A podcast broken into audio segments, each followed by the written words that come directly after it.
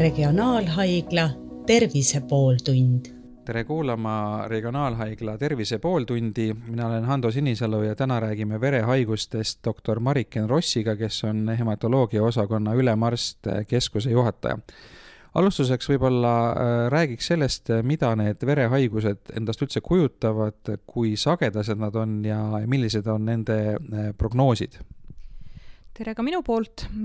kui me verehaigustest räägime, siis äh, neid laias plaanis võiks alustada sellest, et jagada neid kaheks, jagada neid nii-öelda kasvajalisteks või siis selliseks onkoloogiliseks pooleks ja teine, mis on siis nii-öelda he healoomuliste diagnooside või healoomuliste muutuste grupp, kuhu kuuluvad siis hästi laias ulatuses küll erinevad kas rakkude funktsiooni või produktsioonihäired või ka näiteks siis ähm, vere hüübimise erinevad häired. ja kui me nüüd räägime sellest, kui, kui palju neid on siis või, või mis on see haaratud inimeste hulk, siis äh, kõik verehaigused, millega siis hematoloogia või hematoloogid tegelevad, reeglina on need ikkagi kõik väga harvad haigused, et kuigi neid kombineeritult võib olla inimeste hulgas suhteliselt palju, siis üksikute haiguste esinemissagedus ei ületa reeglina ähm, harvikhaiguse sellist esinemissagedust, nii et nad siiski on üsna haruldased ja, ja me näeme neid kokkuvõttes inimeste hulgas vähe. aga ei saa öelda, et, et nad ei jääks siiski pilti. kas on ka mingisugused riskirühmad, keda need rohkem ähvardavad, kas siin on ka mingit vanuselist jaotust, et see on rohkem noorte või, või vanemate inimeste haigus? Jah, kui me nüüd räägime verehaigustest selles osas, mis puudutab äh, sellist kasvaealiste haiguste poolt, seda onkoloogilist hematoloogiat nii-öelda, siis seal on tõesti väga suure osa haiguste osas, me võime öelda, et vanus on haiguse sagedust tõstev äh, risk, ehk siis mida vanem on inimene, seda suurem on tõenäosus, et temal võib selline haigus esineda, aga on üksikud haigused, mille puhul on äh, pigem selline kõige kõrgem esinemissagedus kas laste või noorte täiskasvanute hulgas. nii et päris, päris nii ei saa öelda, et nüüd verehaigused oleksid ainult vanade inimeste haigused. et nii ta ei ole, aga pigem on meie patsientide hulgas kindlasti eakamaid inimesi rohkem. kui nüüd nendest onkoloogilistest verehaigustest äh, lähemalt rääkida, siis, äh, siis millised need on? Äh, hästi lihtsalt öelduna, siis võib öelda, et on väga laias laastus kahte tüüpi, on leukeemiad, on lümfoomid. ja kui neid nüüd tõlkida sellisesse lihtsamasse keelde, siis leukeemia on see haigus, mida klassikaliselt tuntakse verevähina ja lümfoom on see haigus, mis siis on lümfisõlmede kasvaja. ja need omakorda jagunevad siis edasi, verevähk võib olla või siis leukeemia võib olla äge haigus või võib olla sellise kroonilise rahuliku kuluga äh, aastakümneid, teinekord tablettravil ja samamoodi ka lümfoomid võivad siis olla kas väga agressiivsed, väga kiiresti ravi nõudvad, väga rasked seisundid, või võivad olla sellised aeglased, rahulikud, kroonilised, elu mitte väga segavad haigused. kuidas äh, inimene aru saab, et, äh, et tal midagi võiks valesti olla selles osas, et et kahtlustada vere, verevähki näiteks, äh, mis need ohumärgid või, või sellised sümptomid on, mille korral ta peaks äh, arsti poole pöörduma? see on nüüd küsimus, mida, mida tihti esitatakse ja millele me väga hea meelega tahaksime, et meil oleks vastus, aga kahjuks ei ole selles suhtes, et vere, verehaigused ja veremuutused ei kulge spetsiifilise või selgesti äratuntava kaebusega reeglina inimene ei tunne midagi nii väga konkreetset, natukene väsinum, võib-olla ajab rohkem öösiti higistama, ehm, mõni on äh, võib-olla mingi perioodi palavikuga haige, aga need on probleemid, mida kõigil aeg-ajalt ette tuleb ja selles ei ole midagi, midagi erakorralist. mis nüüd on tõesti sellised ägedalt kiirelt kulgevad haiglused, ütleme siis tõesti kas see äge leukeemia või siis väga agressiivse kuluga lümfoom, seal tekivad muutused enesetundes ikkagi juba suhteliselt kiiresti ja, ja seal võib tulla erinevaid probleeme, sõltuvalt sellest, mis siis, mis siis veres parajasti valesti on lümfoomi puhul tekivad eelkõige kusagile kas nähtavad sõlmed, mis on siis tuntavad ja iseleitavad, äh, või siis näiteks verevähi puhul, leukeemia puhul võivad tekkida no näiteks tekib raske aneemia, mis tähendab seda, et punaverd on vähe, tekib õhupuudus, väsimus, ei jaksa enam trepist üles minna või tekivad kõrged palavikud selle tõttu, et immuunsus on nõrk või mingisugused verejooksud selle tõttu, et veri ei hüübi hästi, et, et need on juba sellised situatsioonid, mis on erakorralised ja mille puhul inimene tavaliselt ikkagi kuhugile pöördub, on see siis perearstile või EMO-sse. Kas sellises tavalises vereanalüüsis, mida ikka aeg-ajalt äh, tehakse, et kas sealt on ka võimalik äh, välja lugeda neid haiguseid? teatud osa on, nii et näiteks enamus meie no ei, see nüüd võib-olla oli vale sõna, võib-olla mitte enamus, aga, aga arvestatav hulk meie kroonilise leukeemia patsientidest jõuab meie juurde selliselt, et neil ei ole tegelikult kaebusi, vaid neil ongi tehtud rutiinse plaanilise tervisekontrolli või mingi muu probleemi tõttu vereanalüüs ja seal vereanalüüsis on nähtav, et mingit tüüpi vererakke on liiga palju, mis siis viitab sellele, et tegu võiks olla kroonilise üleproduktsiooniga või sellise vere kasvajalise haigusega. et see on üsna sage kas see sõeluuringu mõttes äh, võiks inimestele soovitada regulaarselt teha vereanalüüse, et ja kui siis, kui, kui sagedasti ja, ja mida täpselt seal uurida? meie ütleme, sõeluuringuna seda ei defineeri ja, ja kindlasti ei hakka ka defineerima kunagi, aga sellist täiesti tavalist vereanalüüsi ma kindlasti soovitan, et seda aeg-ajalt teha võib, aga te tegema peaks, aga seda ei tuleks, selle jaoks on tegelikult omad jälgimis nii-öelda rutiinid juba olemas, lihtsalt inimestel tuleks nendest kinni pidada. ehk siis tuleks käia oma töötervishoiuarstil, tuleks käia aeg-ajalt Äh, gümnakoloogilises kontrollis, tuleks käia aeg-ajalt ennast perearstile näitamas, et need on kõik sellised tavapärased tegevused, mille peale lihtsalt tuleks mõelda. Ja kindlasti seda võib soovitada, et kuna siiski enamuste haigustega vanuse tõustes riskid suurenevad, siis äh, vähemalt iga paari aasta tagant peaks ennast arstile näitama, et arst saaks otsustada, kas seda vereanalüüsi on vaja teha ja, ja kui on, et mis mahus seda teha nüüd, äh, kui, äh, kui seda vereanalüüsi teha ja seal äh, kahtlused avalduvad, et et patsient jõuab siis perearsti kaudu juba teie juurde, spetsialisti juurde, siis, siis millised need prognoosid on, et ena-, enamike onkoloogiliste haiguste puhul on, on räägitud seda, et viimase paarikümne aasta jooksul on äh, meditsiin väga võimsalt edasi arenenud ja, ja paljud asjad, mis varem tundusid sellised ravimatud või lootusetud, on täna juba ravitavamad ja inimeste eluiga pikem, aga kuidas verehaigustega lugu on? on täpselt samamoodi ja ma nüüd tahaks öelda, et isegi natukene paremini, äh, sest äh, verekasvajalised haigused on aastate jooksul olnud pigem paremini ravitavad või ütleme, välja ravitavad paremini, kui on seda olnud onkoloogilised haigused. et selles mõttes me oleme üsna heas äh, positsioonis on teatud grupp haigusi, mida me ei suuda välja ravida ja ei ole ka näha, et see lähitulevikus äh, muutuks, aga nende puhul ei saa öelda, et need siiski sellest hoolimata ei oleks tõelised elu, edulood. üks selliseid noh, ajaloolisi kõige säravamaid näiteid on tõenäoliselt krooniline mülloidne leukeemia et kui me võtame noh, kolmkümmend aastat tagasi, siis krooniline mülloidne leukeemia oli, oli haigus, millele meil oli väga üksikuid äh, ravimeid, mis praktiliselt alati lõppes tegelikult surmaga, mille prognoos oli ülihalb ja, ja mis oli selline tõeliselt, tõeliselt halbade uudiste tooja. ja siis tuli, tuli tõeline meditsiini läbimurre, millest ka Eesti ajakirjandus palju rääkis, see oli siis esimesed äh, sihtmärgistatud suukaudsed ravimid, millest siis Eesti turule jõudis peale pikki meediakajastust, jõudis Glivec, ja see on tõesti, see ravim ja selle sellised uued analoogid on ka tänapäeval tõeline, tõeline imeravim, sellepärast et need patsiendid võtavadki kodus tablette ja, ja nad elavad aastaid ja aastakümneid, ilma et neil tegelikult oleks mingisuguseid erilisi terviseprobleeme. nii et kuigi me ei suuda seda haigust tingimata ära võtta, siis temaga koos elamine on lihtsam kui mõne muu kroonilise haigusega. aga mis nüüd puudutab selliseid haigusi, mida me suudame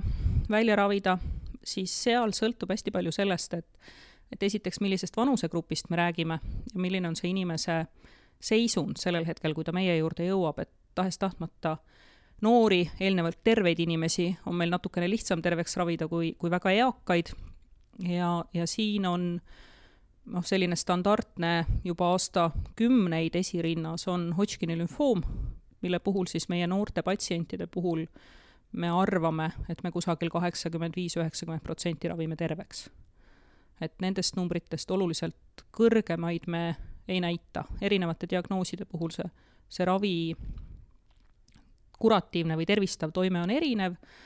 laias plaanis võib öelda, et seal teatud juhtudel kusagil viiskümmend, kuuskümmend protsenti, aga nagu ma ütlesin, on teatud hulk äh, haigusi siis, mille puhul me juba algusest peale räägime sellest, et see haigus on krooniline ja see jääb jääb lihtsalt inimesega kaasa. no päris palju on räägitud ka luuüdi siirdamisest, et mis puhul seda tarvitatakse? luuüdi siirdamist on nüüd kahte tüüpi ja rääkida võib ja peab mõlemast, aga selle jaoks, et siis oleks nagu selge, et mis on üks ja mis on teine, siis ühel juhul, ehk siis autoloogse siirdamise puhul, korjatakse inimeselt endalt need rakud kokku, külmutatakse ära ja tulevikus siis sulatatakse üles, siirdatakse tagasi. Teine variant on siis see, kui, kui inimese enda rakkude kogumisest abi ei ole ja me peame pöörduma siis doonori poole, leidma doonori, kellelt sobivad rakud koguda ja, ja siis inimesele vastavalt sobival ajahetkel siis uuesti tagasi siirdada. ja need on protseduurid, millega selle nii-öelda oma rakkude kogumise ja siirdamisega tegeleme nii meie kui Tartu Ülikooli Kliinikum ja selle doonorilt pärineva tüvirakkude siirdamisega tegeleb siis Eestis ainukesena Tartu Ülikooli Kliinikum. Neid patsiente on vähe, äh, oma rakkude siirdamist toimub Eestis märkimisväärselt rohkem, meie keskuse möödunud aasta statistika on nelikümmend kolm äh, patsienti, kellele siis seda oma rakkude kogumist ja tagasisiirdamist on tehtud. Ja seal on erinevate haigustega äh, inimesed, ehk siis on seal verehaigusega olnud enamus, aga on siis juurde tulnud ka, ka uued näidustused ja esimesena oleme me siis möödunud aastal siirdanud need rakud tagasi ühele patsiendile, kellel on reumatoloogiline haigus ja teine, teisele patsiendile, kellel on skler-, skleroosis multiplex. nii et äh, see on protseduur, mis tõenäoliselt pigem lähiaastatel, ma arvan, et natukene laieneb võrreldes sellega, kui palju me seda siiani kasutanud oleme nüüd see doonorilt äh, rakkude siirdamine, et, äh, et noh, paljude elundi siirdamiste puhul äh, see loovutaja ehk doonor siis kaotab selle elundi, et nüüd selle luuüdi rakkude puhul on ilmselt lugu teistsugune, et milliseid riske see sellele doonorile kaasa toob ja, ja kas see on, on midagi sellist, mille, mida võiks noh, enamik inimesi teha, nagu näiteks vere, vene, veredoonorid jah, kindlasti soovitan kõigil selle peale mõelda ja võimalusel siis tõesti maailmaregistriga liituda. Luudi doonori, doonorite registriga on siis meil võimalik läbi verekeskuste liituda ja läbi Soome Punase Risti me siis maailmaregistrisse kuulume. ja tegelikult see protseduur ei, ei ole midagi hirmsat. erinevalt siis tõesti organloovutusest, kus nagu midagi võetakse ära, siis enamuste tänapäevaste protseduuride juures me kogume vereloomeks vajalikud tüvirakud tegelikult äh, verest. et kui nende protseduuridega algselt alustati, siis äh, vererakkude sünnikoht ja sünnikodu on luudi ja eelkõige see täiskasvanutel, täiskasvanud inimesel on siis äh, vaagnaluus puusaluude harjades. ja sealt on seda võimalik ka välja võtta, meie teeme seda rutiinselt siis nendele patsientidele, kellel on vajalik teha luuidi biopsia diagnostilisel põhjusel, meil on vaja näha, mis seal luuidis toimub. see on selline kohaliku tuimestusega natukene ebameeldiv protseduur. aga kui, kui on vaja, siis ka tänapäeval teatud üksikutel harvikjuhtudel kogutakse need rakud sealt luuidist. ja vot see on selline ebameeldiv situatsioon, mis ka püsivat kahjustust ei jäta, aga mis tuleb teha narkoosis, sellepärast et sinna vaagnaluusse tuleb teha üsna mitu auku ja täiesti mehaaniliselt see luudi sealt välja tõmmata. et ähm, see on äh, mõnevõrra ebamugav pärast taastumine ja võib ka tähendada seda, et juurde tuleb siis tarvitada vitamiine ja rauda, sellepärast et vereloome on natukene äh, natukene kurnatud ja vajab pisut toetamist. aga kui me nüüd kogume, nii nagu me tänapäeval enamasti kogume siis tõesti perifeersest verest, siis see tähendab seda, et see protseduur iseenesest ei ole mitte midagi hirmsat, doonor peab tegema kodus süste, mis äh, liigutavad siis nii-öelda luuidist need vajalikud rakud verre ja kui neid rakke on seal veres piisaval hulgal, siis paigaldatakse afereesi kateeter, mis on siis selline suuremat sorti kanüül, mis läheb suurde veresoonde ja mille kaudu siis ühendatakse see doonor aparaadiga, mis laseb vere masinast läbi ja korjab ükshaaval vajalikud rakud välja ja see ülejääv veri siis suunatakse doonori vereringesse tagasi. et ainukene, mis sellest protseduurist siis jääb, on selline väike torkehaav ja, ja pisikene arm selles kanüüli panemise kohas ja ütleme, selline mööduv väsimus mõned päevad protseduuri järgselt. midagi eriliselt muud selle protseduuriga ei kaasne ja, ja ohtu, ütleme, oma luu üdi või, või vereloome selliseks rängaks kurnamiseks seal ei ole. Te ütlesite, et see on rahvusvaheline võrgustik, et, et võib siis olla ka niimoodi, et Eesti inimese eh, rakud eh, leiavad kasutust mõnes teises riigis ja vastupidi? absoluutselt nii see on. Ehm, me ei me ei suudaks kuidagi katta oma riigi vajadusi ainult oma riigi doonoritega ja täpselt sama kehtib kõikide ülejäänud maailma riikide puhul. Väga suured riigid saavad äh, uhkustada sellega, et neil on suur osa doonoreid, võib-olla kodumaised, aga ka nemad sõltuvad teiste riikide genotüübist ja, ja registritest, nii et kindlasti on see selline ülemaailmne koostöö, mitte, mitte ühe riigi sisene tegevus no verd võib loovutada äh, veredoonorluse korras äh, suhteliselt sagedasti, et kas selle luuüdi doonorluse osas on äh, ka mingid piirangud, et kui, kui, kui tihti seda teha tohib ja, ja, ja kas on mingid nõuded selle patsiendi, ma ei tea, vanusele, tervisele, kehakaalule? Jaa, need on ranged nõuded, nii nagu ka elundidoonorluseks need inimesed selles mõttes, nende vere rakkude selline geeniprofiil läheb siis üles registrisse. see ei sõltu veregrupist, ehk siis doonor ja loovutav, tähendab, doonor ja patsient ei pea olema sama veregrupiga. see ei ole eeldus. aga oluline on see, et see vere geneetiline profiil oleks ühesugune, ehk siis et ei tekiks äratõukereaktsiooni aga, aga sellel hetkel, kui nüüd tuleb registrist ähm, kelluke, et jah, kuskil maailmas on inimene, kes sinu neid rakke võiks vajada, siis kõik need doonorid loomulikult läbivad täieliku tervisekontrolli kõikide nii, nii kasvajaliste kui reumatoloogiliste kui infektsioonhaiguste osas ja ta peab ikkagi olema selle jaoks, et neid rakke loovutada täiesti terve. sest vastasel korral lihtsalt see protsess võib olla see, need rakud saavale inimesele ohtlik. nii et selle, selliselt seal on omad vanuselised nõuded ja seal on omad siis, siis tõesti sellised tervisenäitajad, mis peavad kindlasti olema kaetud no organidoonorluse puhul patsient vahel äh, peab päris pikalt ootama, et äh, sobivat organit saada, kuidas see luuüdidoonorluse puhul on, kui, kui pikad seal need ootejärjekorrad on?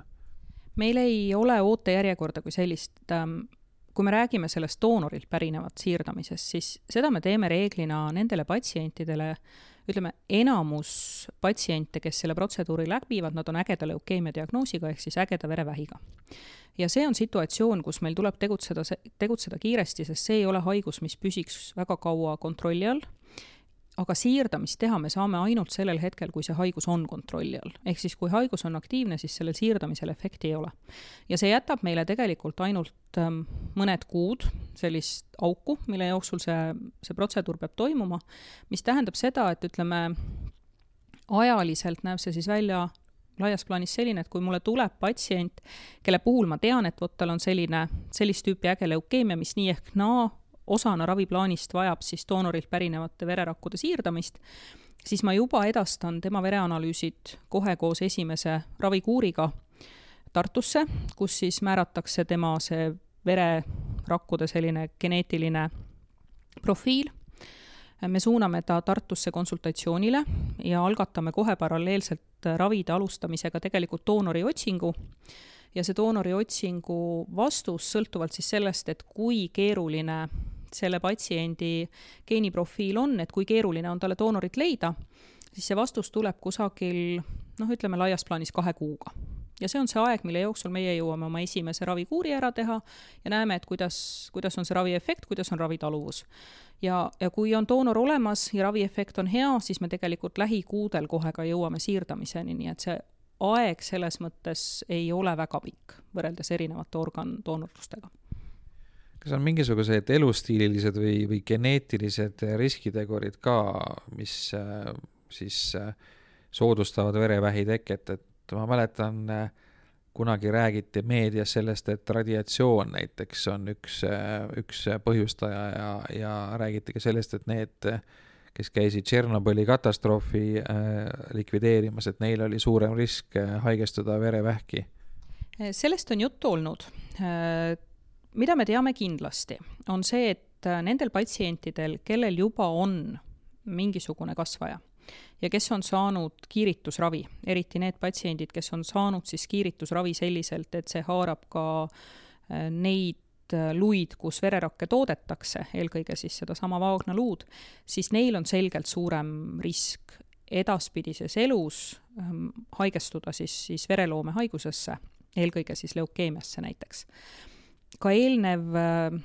läbi tehtud teatud tüüpi keemiaravi võib siis soodustada hilisemas elus, teinekord aastate, aastakümnete pärast, siis sellist äh, verekasvaja teket. Äh, Tšernobõlist on palju räägitud, meie Eestis minu teada ei ole suutnud neid nii-öelda jälgimisuuringuid on siin olnud, ei ole tõestanud, et seal oleks hulgaliselt rohkem vereloomehaiguste levikut. Aga erinevad riigid on neid äh, uuringuid loomulikult teinud ja, ja teatud seosed on nad välja toonud, üks seosetest, üks seostest, mis on siis loodud, on siis tõesti see, et Tšernobõlis väga suure hulga kiirgusega kokku puutunud inimesed, kes elasid teatud aja peale Tšernobõli katastroofi, ehk siis kelle e-, oodat-, kelle eluiga peale seda Tšernobõli oli siis vähemalt kümme, viisteist, kakskümmend aastat, et neil on siis suurem näiteks kroonilise leukeemia tekkerisk. nii et noh, mingisugune seos seal on, kas see seos on konkreetselt ühe haigusega või kas ta on laiendatav teistele, seda me kahjuks hetkel veel tõestanud selliselt ei ole. Kas on äh, ka geneetiline risk olemas, et kui lähisugulased on, on põdenud seda haigust, et siis äh, võiks risk olla kõrgem? nii ja naa, mitte kõikidel haigustel, osadel äh, hematoloogilistel haigustel ei ole sellist geneetilist seost, on üksikuid, kus teatud geneetiline risk on natukene kõrgem, jälle näiteks Hodgkini lümfoomi puhul patsiendi õdedel, vendadel on natukene kõrgem risk kui tavapopulatsioonis. aga noh, kui me nüüd arvestame näiteks selliselt, et Eestis me diagnoosime Hodgkini lümfoomi aastas mõnikümmend, nii et see risk tavapopulatsioonile ilmselgelt on väike ja nüüd, kui me seda riski tõstame ka näiteks ühe koma viiekordseks, mis on siis see õdede-vendade risk, siis noh, sellest hoolimata on see siiski jätkuvalt väga-väga madal. et teatud seos on olemas, aga see ei ole niimoodi erinevalt siis näiteks ütleme onkoloogilistest, kus näiteks rinnavähist, kus on väga selged perekondlikud seosed ja hematoloogilistel haigustel sellist, päris sellist tausta ei ole kuidas on lugu elustiiliga, et väga paljude kasvajate puhul peetakse näiteks suitsetamist äh, riskiteguriks ja, ja ülekaalu ja alkoholi tarvitamist ja, ja selliseid elustiili asju, et äh, kas verehaiguste puhul on ka äh, seda võimalik välja tuua? ei ole, selliselt ei ole võimalik, nagu nüüd tõesti onkoloogiliste haiguste puhul on selged seosed, et kui sa oled suitsetaja, siis on kopsuvähi risk kõrgem ja, ja solaarium tõstab nahavähi, nahavähi riski, et sellist seost ähm, vereloomehaigus,tel verehaigustel ei ole. Äh, mida siin tuleks siiski silmas pidada, on see, mida ma, mida ma enne ütlesin, ehk siis mida vähem on kaasuvaid tervisehädasid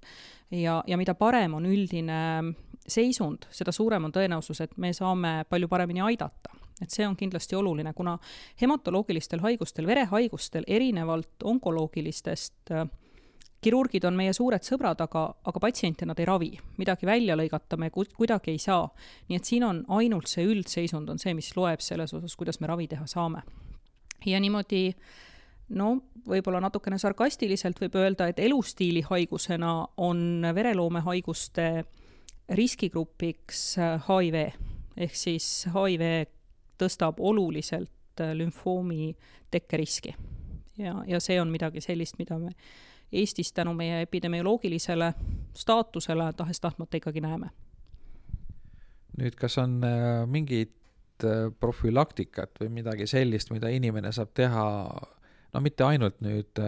verekasvajatest hoidumiseks, aga üldse, et enda enda veretervist parandada, et siin enne oli juttu näiteks rauast ja vitamiinidest, et et mida peaks inimene tegema või mida sööma selleks, et, et see veri oleks siis selline tugev, hea? no hästi lihtsalt võib jälle öelda, et need kolm peamist, mida me, mida ka meie siis määrame, vajadusel asendame äh,, ainet on siis tõesti raud, on foolhappe ja on B12 vitamiin ja, ja kui nüüd B12 vitamiini puhul on tegu siiski sellise sisemise imendumishäirega, juhul kui tõesti, tõesti me B12 vitamiini defitsiiti diagnoosime, siis, siis see vajab edaspidi asendamist, siis äh, foolhappe ja eriti raua defitsiit on, on väga tihti ja väga suuresti sõltuvuses äh, kas toitumisest või siis, või siis muudest kaasuvatest äh,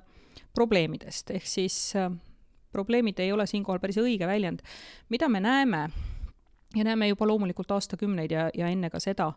on, on siis tõesti need ähm, naised äh, raske rauavaeguse aneemiaga, kes vajavad äh, pidevat või, või väga sagedast rauaasendusravi, eelkõige selliste ränkade menstruatsioonide foonil, et ähm, verekaotus on probleem evolutsiooniliselt äh, naisterahvad olid kas rasedad või, või imetasid ja ja menstruatsioon ei olnud elu jooksul kuigi sage külaline.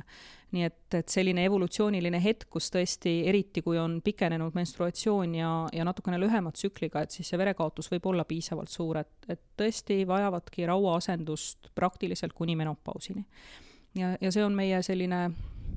tänapäevane nii-öelda mure, et millega siis tuleb jõudumööda toimetada ja, ja siin on küll, ütleme, elustiilil ja sellisel teadlikul toitumisel ja kõigel sellel väga oluline osa. aitäh, meiega vestles eh, hematoloogia osakonna ülemarst, keskuse juhataja doktor Mariken Ross ja teda küsitles Ando Sinisalu, aitäh kuulamast!